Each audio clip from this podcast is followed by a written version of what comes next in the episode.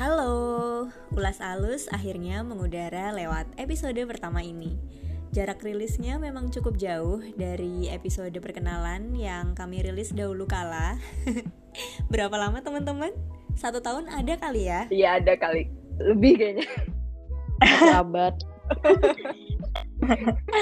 Okay. Senang banget kita akhirnya berhasil menuntaskan rekaman ini yang semua bahannya sudah kita prepare sejak tahun lalu, tapi eksekusinya baru berhasil kita selesaikan di bulan Desember 2021. Semoga rekaman eksperimental ini bisa sampai ke pendengar semua dan bisa jadi bahan diskusi kita. Oh, guys, aku ya? Iya. yeah. Oke oke oke. Nah uh, ya teman-teman teman-teman yang lagi mendengarkan nih, nah di sini tuh kami akan bertiga. Jadi ulas ulas uh, sorry apa sih nama kita ulas alus oke. Okay. ulas alus itu ada aku Rere, Eca, kemudian Beldin. Nah jadi Hai. terbentuknya ulas alus ini memang kami ada tiga orang gitu dan sebenarnya berangkat dari kesukaan kami masing-masing yang ternyata sama gitu. Nah kami kebetulan suka baca buku. Kemudian kok kayaknya asik ya. Jadi kami ingin mendokumentasikan gitu pengalaman membaca kami lewat uh, obrolan-obrolan kayak gini. Uh, kami bertukar pikiran uh, ke dalam bentuk ya. ya arsip rekaman suara, tapi dipublikasikan. Uh, jadi lahirlah podcast uh, ulas alus ini gitu. Dan uh, secara ya. spesifik mungkin ya Bel dan Eca buku-buku yang akan kami obrolin atau kami ulas lah di podcast ini tuh sebenarnya uh, secara spesifik kami memutuskan untuk oke okay, uh, eh, penulis perempuan aja ya teman-teman gitu.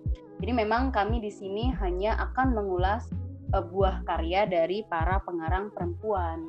Seperti itu teman-teman. Nah, terus kita sedikit disclaimer ya di sini karena tiga itu sebenarnya sangat mediocre, biasa aja, bukan pembaca yang bener-bener epic istilahnya bener-bener memperdalam mm-hmm. topik dari buku yang kita baca jadi uh, kita berangkat dari refleksi apa yang kita baca dan juga pengalaman sehari-hari sih yang personal yeah. gitu jadi kita sama sekali nggak ada maksud buat sok tahu buat menggurui buat sok pinter jadi kalau misal teman-teman ada pendapat yang berbeda dengan kami kalau ingin menyampaikan pendapat tersebut mungkin lewat media sosial kami ya ulas alus bisa disampaikan lewat Instagram ya. Instagram guys di komen di komen iya di komen Nah, untuk episode pertama ini kita akan mulai dengan sebuah buku. Apa judulnya, teman-teman? Keberangkatan. Apa tadi? Apa? Judulnya judulnya keberangkatan okay. buku keberangkatan dari NH Dini mungkin beberapa teman-teman di sini sudah pernah baca karyanya Ibu NH Dini ada beberapa yang belum tapi Ibu NH Dini ini cukup novelis yang cukup terkenal di era tahun berapa ya mungkin 1960-an ya 1970-an jadi novel-novelnya yang masih beredar sampai saat ini itu juga rata-rata masih pakai ejaan lama. Gitu. Hmm. Nah, ya.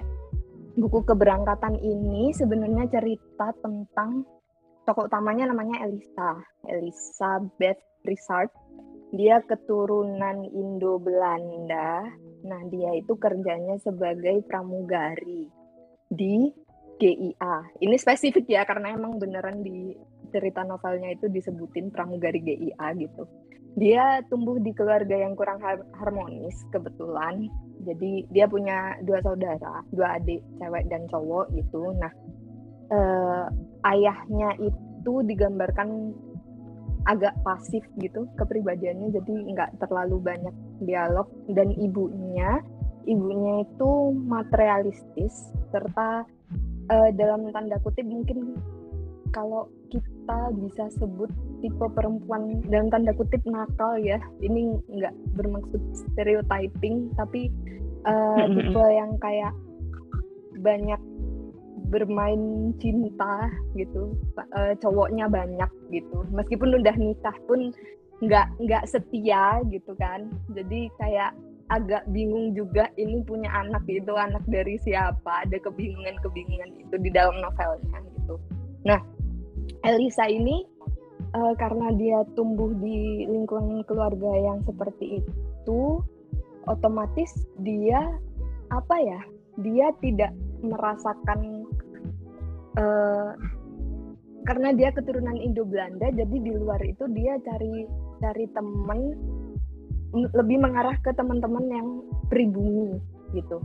Waktu itu memang uh, kelompok-kelompok etnis kayak pribumi, keturunan Belanda itu kan masih sangat menonjol apalagi dengan adanya nasionalisasi waktu itu gerakan nasionalisasi aset-aset Belanda kan jadi kelompok-kelompok itu masih ada jadi dia cenderung teman-temannya itu orang-orang orang-orang Jawa terutama karena dia tinggal tinggal di Jawa gitu kan. Tapi ketika dengan teman-temannya yang orang Jawa itu meskipun dia merasa dia orang Jawa tapi dia tidak diterima oleh teman-temannya kayak masih kan kamu keturunan Belanda masih ada kayak gitu.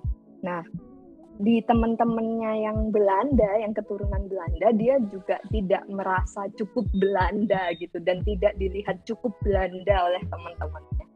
Jadi ada sedikit apa ya krisis identitas di situ konflik internal gitu terkait identitasnya. Hmm. Nah, ditambah lagi kayak... si Elisa ini Iya kayak setengah-setengah bingung gitu. Iya, jadi kayak kita kita mau bilang amfibi, amfibi ya Allah kasar banget. Tapi ya ya itu yeah, yeah. Uh, maksudnya kayak krisis internal itu. Terus lagi Elisa jatuh cinta sama pemuda Jawa yang namanya Sukoharjito. Dia itu ajudan presiden ceritanya.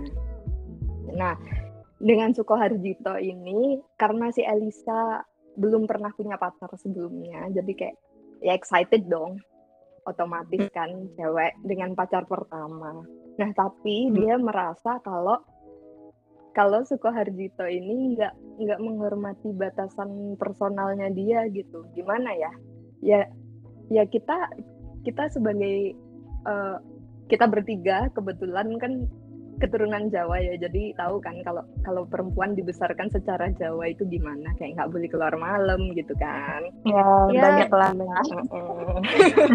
ya menjaga diri tidak tidak ber jadi kesan yang aku tangkap dari perasaan Elisa di novel itu adalah memang pelanggaran batasan personal itu terjadi karena penampakan fisiknya dia yang lebih kebule-bulean daripada orang Jawa dan memang nilai-nilai sosial yang dibawa perempuan Indo-Belanda mungkin dianggap lebih bebas daripada perempuan Jawa gitu kan padahal Elisa sendiri memegang teguh kejawaannya jadi meskipun dia excited pacar pertama kan tapi ya tetap aja dia merasa violated kayak gitu ah. iya uh. nah uh, mungkin waktu itu kesel ya si Alisa karena udah sejauh itu tapi kok kayak nggak ada kelihatan dekat baik gitu dari Sukoharjito. Tapi uh, akhirnya si Sukoharjito ini ada bau-baunya akan mengarah ke jenjang serius dan membawa si Elisa ketemu buat keluarganya. Udah tuh ketemu keluarga besar dan dapat respon yang cukup baik dari keluarga besarnya. Dan endingnya jeng jeng jeng plot twist Sukoharjito nggak nikah sama Elisa dia malah nikah sama wanita lain dan itu malah malah hmm. memperbesar gejolak yang dirasakan Elisa terhadap dirinya. Hmm. Oh iya dan uh, dan nikahnya dan si di si Suko Harjito enggak tambahan dikit sorry ya di si okay. Suko Harjito itu nikah sama si yang perempuan lain itu karena hamil duluan. Oh, Oke, okay. mungkin kayaknya aku miss sih uh, untuk mengingat detail itu. Tapi perempuan yang dinikahi oleh Harjito ini kalau nggak salah etnisnya Jawa nggak sih teman-teman? Iya, Jawa. Oh, betul sekali. Jadi kalau kita kalau kita baca bagian itu tuh kayak benar-benar dilakukan untuk menjaga nama baik Sukoharjito dan keluarganya dan keluarga si cewek hmm. pernikahan itu. Tapi mungkin yeah. kalau kita baca di novel nggak terlihat seperti itu di Elisa. Malah kelihatannya kayak kenapa dia milih orang Jawa? Apakah aku tidak cukup Jawa? Mm-hmm. ada hmm. kayak gitunya sih. Ya. Bertentangan banget ah sikapnya Sukoharjito yang sudah sangat dekat dengan Elisa sudah sangat apa ya gesturnya tapi endingnya malah menikah sama orang lain gitu ya kayak paradoks iya nah sekarang kalau kita lihat-lihat krisisnya Elisa nih kayak di lingkungan yang satu dia merasa dia akan diterima tapi ternyata tidak diterima karena dia tidak cukup Jawa sementara di lingkungan lain dia nggak diterima karena dia tidak cukup Belanda. Dalam tanda kutip kalian pernah nggak sih ngerasain kayak gitu? Aku pernah aku pernah guys. Tapi uh, gimana ya aku kalau melihat ini ini hasil dari pembacaanku terhadap novel apa sih judulnya keberangkatan ya sorry lupaan dari dari buku keberangkatan ini karya Bu Dini itu ada ada satu hal yang menurutku uh, ada ada dua hal sih sebenarnya yang yang sangat-sangat menarik kalau buatku pribadi. Meskipun ini juga tidak akan mencakup keseluruhan cerita gitu tapi uh, atau mungkin barangkali ini keseluruhan cerita ya Bu Dini yang tahu gitu. Gimana soal pergolakan Elisa sendiri itu terhadap identitas dia? Gitu kan teman-teman kayak uh, oke okay, dia ini secara biologis ya ada Belandanya gitu. Jadi secara biologis dia dia Indo gitu kan. Dia disebut sebagai tanda kutip orang Indo orang campuran gitu pada saat itu. Dan dia dibesarkan juga uh, di keluarga yang uh, ada Belandanya juga gitu kan tapi ternyata dia lebih nyaman atau lebih punya sense of belonging gitu mungkin ya ke teman-teman Jawa dia gitu kan.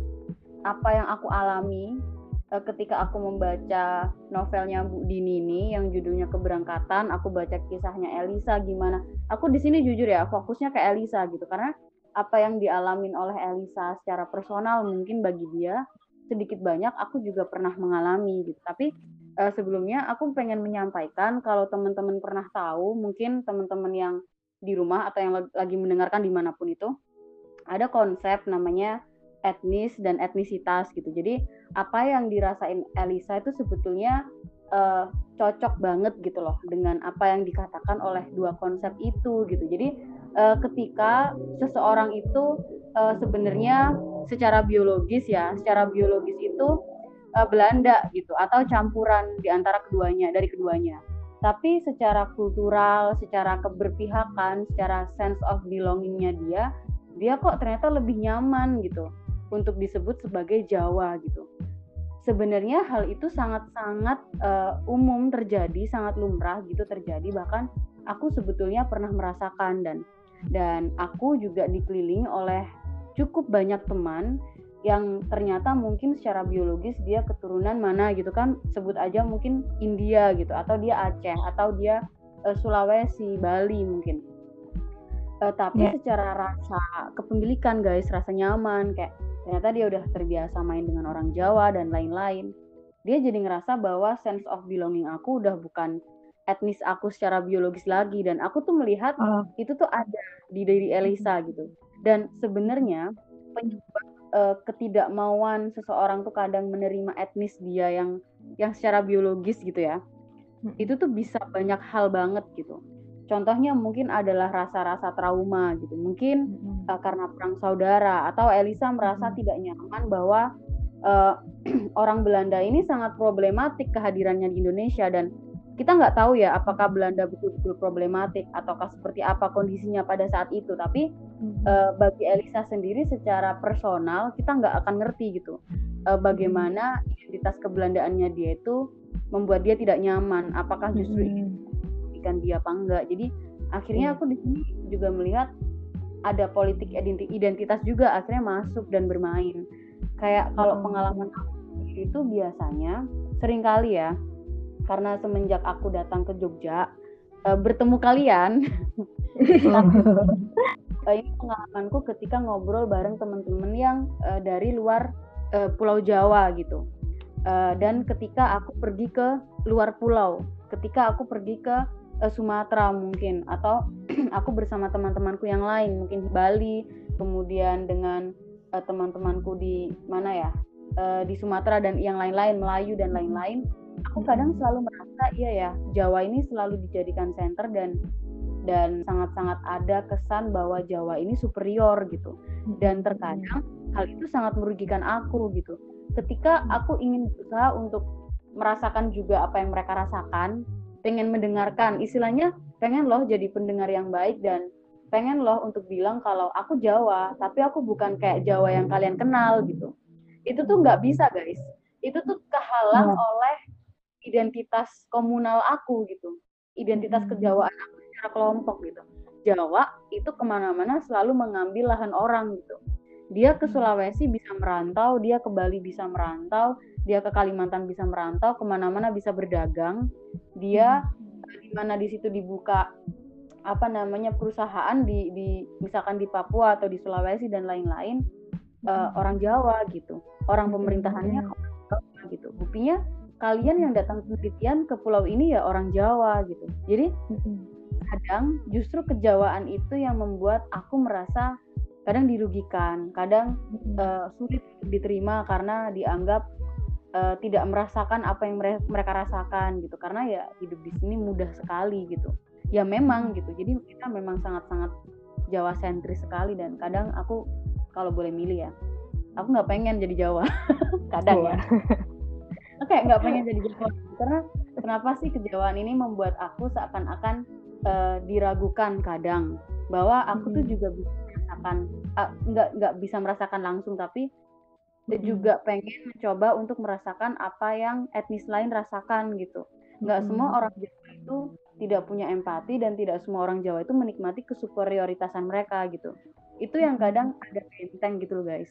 Dan itu yang tadi aku sebut sebagai pada akhirnya uh, sense of belonging kita atau pilihan kita soal etnisitas kita itu tetap akan kehalang dengan identitas komunal kita. Apalagi kalau identitas kelompok itu udah menyangkut sejarah kelompok. Kita nggak ngerti dulu persisnya seperti apa hubungan Belanda dan Indonesia Belanda dan Jawa gitu. Uh, sekat-sekat apa yang sangat terbentuk sehingga Elisa sebegitu nggak maunya uh, untuk disebut sebagai Belanda. Dia memilih sebagai Jawa aja gitu itu sih itu sih ya. yang pernah aku rasakan ya guys. Dan ya sih kalau kita uh, sedikit sih mungkin kalau dari aku soal etnis dan etnisitas jadi gampangnya tuh gini. Mungkin buat teman-teman yang dengerin uh, etnis itu misal secara biologis aku Jawa gitu kan. Bapak ibu kalau dites DNA ya udah aku mungkin Jawanya sangat-sangat uh, mendominasi gitu. Nah tapi etnisitas itu sebetulnya ke identitas kelompok mana aku merasa merasa terikat merasa merasa apa ya istilahnya punya sense of belonging di situ. Misal uh, boleh aja loh aku bilang aku Japanese by blood tapi like Korean by love gitu ya. Bisa aja gitu tapi itu hak ya. Wow. Masalah itu ya bu. Mas bu. If you're listening to this. Kosmopolitan. Nggak nggak gitu. Misal gini ya.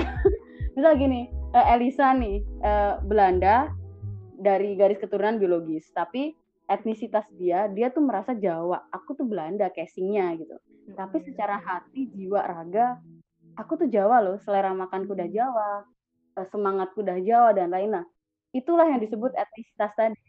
Seseorang hmm. untuk memilih ke mana identitas kelompoknya dia gitu. Jadi ya nggak apa-apa hmm. sih, aku Korea kok by love.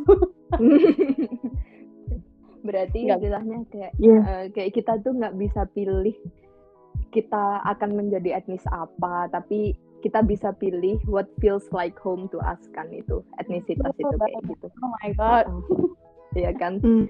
Nah, mung yeah. uh, mungkin nambahin nambahin dikit aja kayaknya kalau untuk kasus Elisa ya pengamatan pribadi itu di alur ceritanya tuh dia merasakan trauma tapi hmm. dari keluarganya oh. mainly oh. karena kan emang dia dibesarkan dengan nilai-nilai Belanda itu di rumah tapi sebenarnya nilai-nilai yang kita dapat itu kita dapatnya pengaruh paling besar tuh keluarga orang tua terus baru lingkungan kayak temen dan lain sebagainya hmm. nah dia dia lihat uh, normalnya kan perempuan akan modeling ke ibunya kan Iya. Akan lihat ke ibunya, ibunya itu seperti apa. Nah mungkin di situ Elisa tidak melihat nilai-nilai yang ya seharusnya perempuan tuh kayak gitu. hmm. ibu tuh kayak gitu perempuan Belanda tuh kayak gitu itu enggak karena ibunya yaitu tadi materialistis kemudian hmm. kayak sering keluar malam tapi kayak nggak jelas kan keluarnya ke mana hmm. nah mungkin ada ada sesuatu yang terjadi di situ yang traumatis buat Elisa sehingga dia merasa oh oke okay, aku tuh perempuan Jawa karena di sini ada sosok lain sebenarnya aku hmm. aku lupa namanya jujur tapi hmm. sosok itu memang berperan besar. Uh, itu teman-teman keluarganya Elisa dan dia orang Jawa seorang seniman. Itu dia dia berperan besar dalam pengasuhan Elisa kayak sering main sama Elisa nemenin Elisa waktu orang tuanya nggak ada kayak kayak gitu. Hmm. ngobrol sama Elisa. Jadi nilai-nilai kejawaannya terbentuk di situ. Jadi Elisa oh, tetap mengakui kalau dia perempuan tapi dia merasa bahwa ya aku perempuan Jawa. Di rumah kan aku makan makanan Jawa. Dan yang dia anggap rumah itu adalah ya itu teman keluarganya itu tadi. Mungkin oh, di situ sih. Ya nah. benar. Ya, ya, nah, ya. nah kalau kalian terkait keperempuanan dan kejawaan perempuan Jawa itu gimana? Eca mungkin ada pengalaman?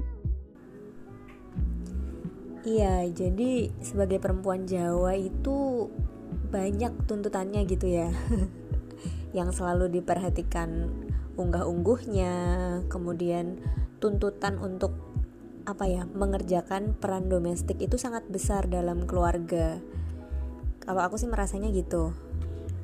Dan entah kenapa masyarakat suka banget uh, mendikte kayak kodratnya perempuan itu harus begini begini begini begini kodratnya kodrat gitu. Padahal Benar. Uh, apakah itu bukannya sebuah konstruksi sosial buatan aja gitu peran-peran itu? Mungkin mungkin kayak ini apa eh, laki-laki uh, harus jadi seperti apa, perempuan harus jadi seperti apa itu kan sedikit banyak masyarakat kan berperan di situ kan nilai-nilai yang istilahnya yang lebih besar dari keluarga gitu kan mm-hmm. nilai-nilai masyarakat oh.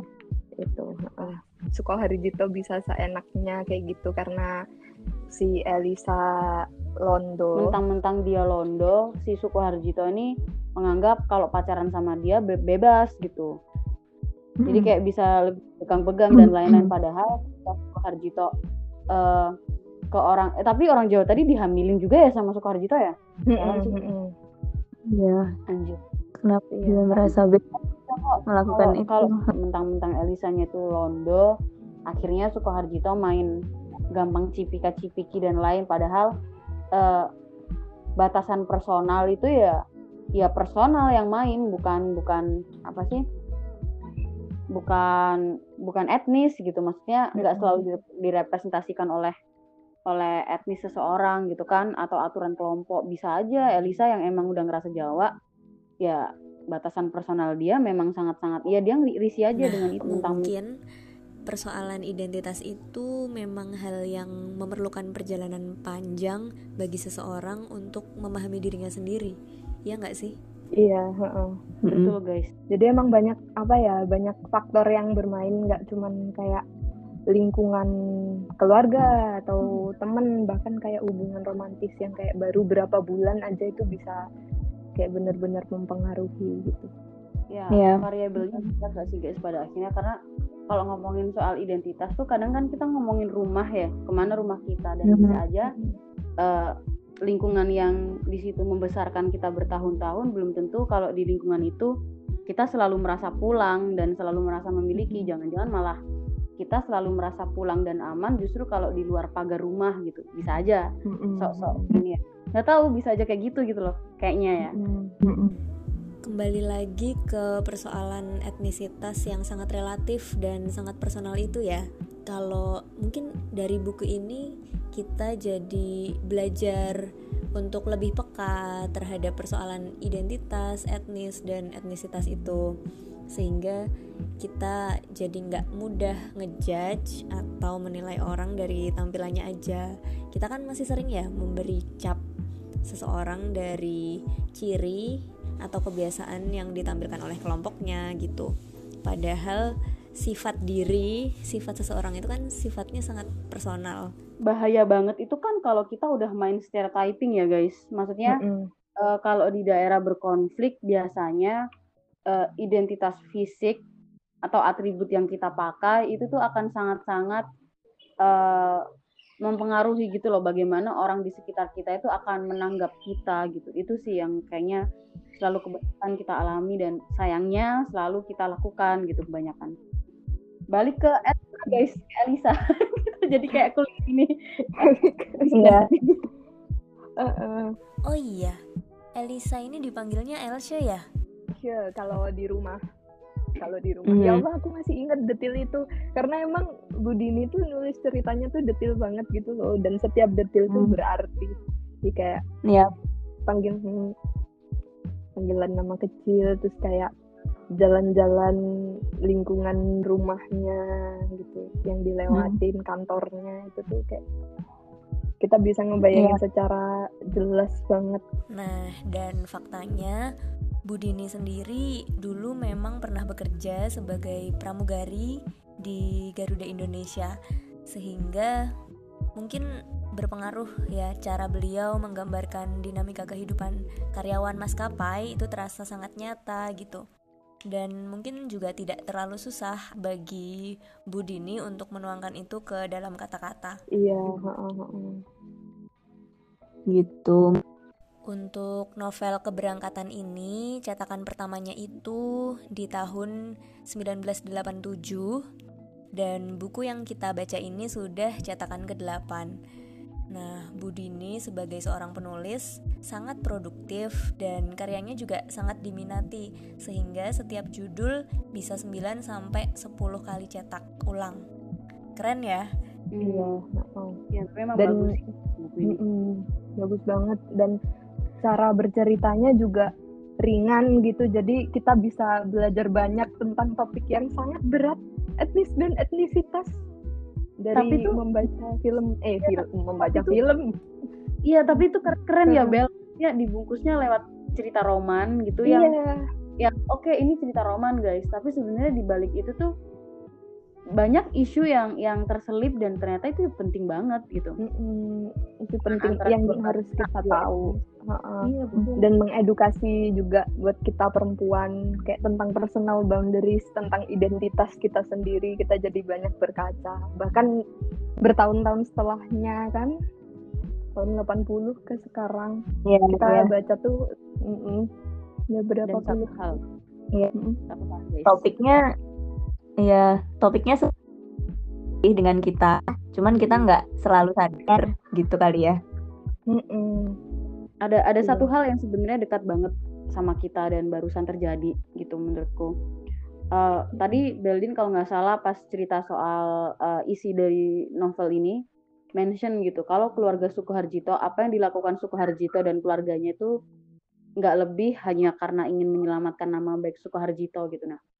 Uh, baru-baru ini kita banyak banget kayak dengar kasus-kasus KS yang mana uh, itu sangat merugikan perempuan di posisi korban gitu. Dan pada akhirnya tanggapan orang-orang di, di sekitar tuh nggak jauh beda gitu dengan dengan apa yang Sukoharjito dan mungkin keluarganya lakukan gitu. Demi demi menyelamatkan nama baik lagi-lagi ya misoginis juga gitu. Kayak laki-laki dulu nih kita selamatin gitu. Ya udah kamu perempuannya ya. diem aja gitu ya mungkin nggak nggak nggak serilet itu tapi kalau kita coba untuk tarik gitu ya ujung-ujungnya tuh yang diselamatin siapa sih guys gitu mungkin mungkin ada pesan sedikit di situ juga kali ya kalau misalkan kita tarik-tarik lagi gitu. Iya. Jelas tadi kasus-kasus KS yang maksud adalah kekerasan seksual yang hmm. belakang. Banyak dibicarakan dan diberitakan. Um, Udini sendiri dikenal menulis mengangkat topik kesetaraan gender itu jadi ya dan itu benar masih hari ini. Ya berarti buku ini bagus banget ya buat kita rekomendasiin ke teman-teman buat dibaca ya guys. Recommended. Harus baca edukatif bukunya. Edukatif ya Allah. Novel roman edukatif tapi bener sih. Novel roman yang edukatif. Bermutu Itu rom- yang yang kita kita lestarikan adalah eh ah, lestarikan apaan sih? Maksudnya oke boleh eh, sebuah novel mungkin roman gitu. Atau ceritanya mungkin terlihat secara sekilas tuh sepele gitu. Kadang ah, cinta-cintaan doang. Tapi coba deh kalau dibaca secara detail banyak loh detail-detail yang penting gitu nggak sih guys? Yang yang dari sekilas narasi kadang nggak akan terlihat gitu Mm-mm. Ya, dan itu Um, juga juga bisa memancing kita buat apa berpikir lebih kritis tentang pengalaman kita tentang kehidupan kita gitu kan bener Ya. banget Mm-mm. betul betul. Ya, jadi Bacanya berefleksi. mm-mm, mm-mm. jadi stop book shaming stop book shaming kenapa kita jadi kampanye hal lain mengkampanyekan hal lain ya, Nggak apa-apa, ya, kan? ya, Yes. nggak apa-apa. Masih eh, masih relate juga sih. Yang dengerin mohon pemaklumannya namanya juga rekaman pertama. Kita semua masih agak acak menghadirkan diskusi ini. Ya mungkin apalagi ya? mungkin itu dulu kali ya. Mm-mm. yang Hmm. kita bahas sudah cukup banyak terkait etnis dan etnisitas. Meskipun kita tidak memilih tidak bisa memilih etnis tapi ya mau nggak mau kita pasti akan condong ke satu kelompok atau satu etnisitas yang terasa seperti rumah buat kita. Terus ya. terkait dengan apa nilai-nilai keperempuanan apalagi yang berkaitan dengan etnisitas itu emang banyak faktor yang mempengaruhi kan? Jadi kita nggak bisa judge orang berdasarkan kelompok mana which ethnicity yang dia merasa belong itu. Keseluruhan kita merekomendasikan buku ini untuk dibaca umur dan dari kelompok gender. Ini bukunya keren banget. Eh, dan satu lagi mungkin teman-teman em, kapan pun teman-teman sedang mendengarkan rekaman podcast ini di tanggal berapapun itu eh, tapi rekaman ini kami lakukan di tanggal 5 Desember 2021 yang mana tepat eh, satu hari sebelum rekaman ini dilakukan yaitu tanggal 4 Desember 2021 eh, adalah peringatan tiga tahun berpulangnya Ibu N Hadini. Jadi Ibu N Hadini sudah berpulang pada tanggal 4 Desember tahun 2018 ya teman-teman. senang sekali membaca Ibu Dini dan bisnisnya serta hanya melalui podcast ini. Yeay. Yeay. Next buku. Apa ya? Atau request. drop. Tapi kita sendiri juga udah nyiapin. iya Ya. tapi nggak apa-apa sih tetap tetap drop apa yang harus kita ulas alus berikutnya oke sekian dari kami saya Beldin Saya Eca. Saya Rere. Kami dari ulas alus sampai jumpa jumpa. Yeay!